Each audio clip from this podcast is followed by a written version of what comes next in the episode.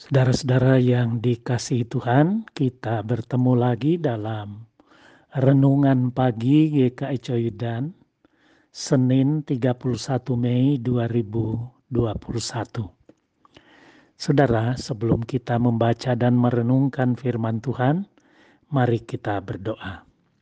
Ya Tuhan, kami bersyukur karena pagi ini Engkau telah membangunkan kami setelah kami beristirahat sepanjang malam dengan perlindungan Tuhan. Sebelum kami memulai aktivitas kami, kami hendak membaca dan merenungkan firman-Mu untuk kami jadikan dasar untuk kehidupan kami sepanjang hari ini dan hari-hari selanjutnya. Tolong bantu kami ya Tuhan, Urapi kami dengan kuasa rohmu yang kudus, agar kami mampu mengerti firman yang kami baca dan renungkan bersama. Terima kasih Tuhan, kami berdoa di dalam nama Tuhan Yesus. Amin. Saudara-saudara yang kekasih di dalam Tuhan, bacaan kita dari bilangan 9 ayat 15 sampai 23. Bilangan 9 ayat 15 sampai 23. Saya tidak membaca semua ayat, saya hanya akan membaca ayat 23 saja. Demikian. Atas titah Tuhan mereka berkemah dan atas titah Tuhan juga mereka berangkat. Mereka memelihara kewajibannya kepada Tuhan menurut titah Tuhan dengan perantaraan Musa. Saudara, renungan kita saya beri tema pimpinan Tuhan dan ketaatan umat. Saudara-saudara, awan pada siang hari dan awan pada malam hari yang seperti titik api dalam bacaan kita, lasim kita sebut tiang awan dan tiang api. Seperti yang bisa kita baca di Keluaran 13 ayat 21 demikian. Tuhan berjalan di depan mereka pada waktu siang hari dalam tiang awan untuk menuntun mereka di jalan dan pada waktu malam dalam tiang api untuk menerangi mereka, sehingga mereka dapat berjalan siang dan malam. Jadi, penyertaan Tuhan tidak hanya pada waktu-waktu tertentu saja, tetapi sepanjang waktu, siang dan malam. Tiang awan pada waktu siang dan tiang api pada waktu malam merupakan simbol atau gambaran kehadiran Tuhan bersama umatnya. Saudara, dua pokok kalimat yang menarik dalam nas bacaan kita adalah atas titah Tuhan mereka berkemah dan atas titah Tuhan juga mereka berangkat. Mengapa menarik? Karena kedua hal ini menunjukkan dan menegaskan kepada kita akan pimpinan Tuhan dan ketaatan umat Israel kepada pimpinan Tuhan itu. Saudara, ada ungkapan yang mengatakan, "Hidup adalah perjalanan."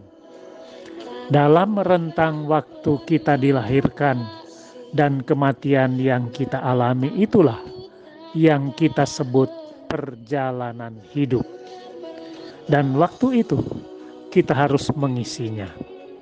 Dalam perjalanan hidup ini, banyak pilihan-pilihan yang diperhadapkan kepada setiap kita.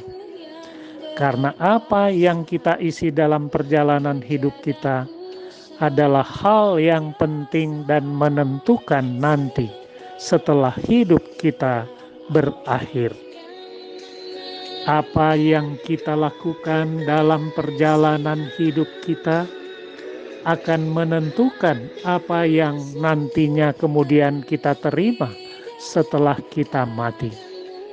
Seperti perjalanan umat Tuhan atau bangsa Israel dari tanah Mesir menuju tanah perjanjian. Bagaimana mereka mengisi kehidupan mereka, menentukan mereka masuk atau tidak ke tanah perjanjian itu. Saudara, sebagaimana pimpinan Tuhan kepada bangsa Israel di padang gurun. Demikian juga pimpinan Tuhan dalam perjalanan hidup kita. Oleh sebab itu perlu sekali kita memahami pimpinan dan rencana Tuhan bagi kita agar kita tidak salah.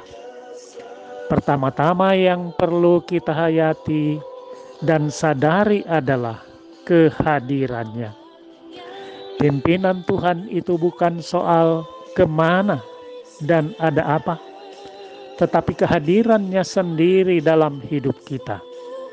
Tidak peduli dalam kondisi apa pun kita, dalam situasi apa pun kita, dalam lembah kekelaman, dalam kegagalan, keputusasaan, dalam lembah air mata, penuh kesusahan, kejatuhan, kepedihan, atau sebaliknya dalam keadaan yang penuh keberhasilan, kegembiraan, kedamaian, dan sukacita. Tuhan hadir, Tuhan menyertai, memimpin kita. Seperti juga bangsa Israel yang tahu bahwa Tuhan Allah hadir melalui simbol tiang awan dan tiang api. Ketika tiang awan atau tiang api itu bergerak, mereka tahu bahwa Tuhan memerintahkan mereka untuk bergerak, melanjutkan perjalanan. Dan ketika tiang awan atau tiang api itu berhenti, mereka juga berhenti dan berkemah.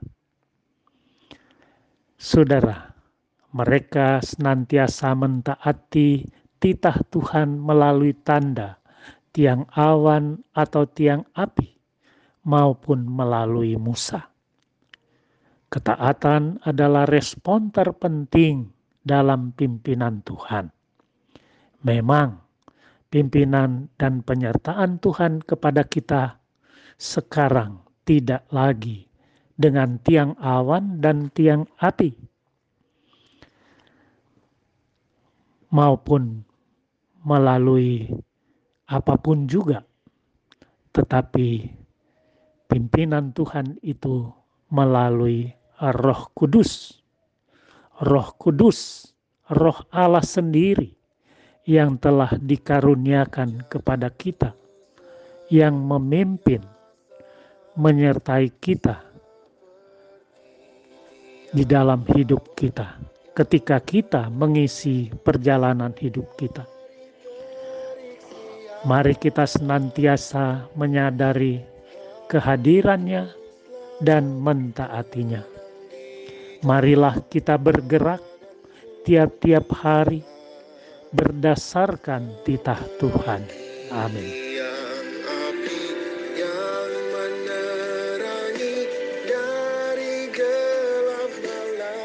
Mari kita berdoa. Tuhan terima kasih untuk firman-Mu yang kami dengar pada pagi hari ini. Kiranya menjadi berkat bagi kami dan kami pegang terus dalam hidup kami bahwa Tuhan senantiasa memimpin hidup kami dan biarlah kami terus mentaati titah-titah Tuhan dalam kehidupan ini. Kami menyerahkan seluruh hidup kami sepenuhnya ke dalam tangan-Mu. Di dalam nama Tuhan kami Yesus Kristus, kami berdoa. Amin.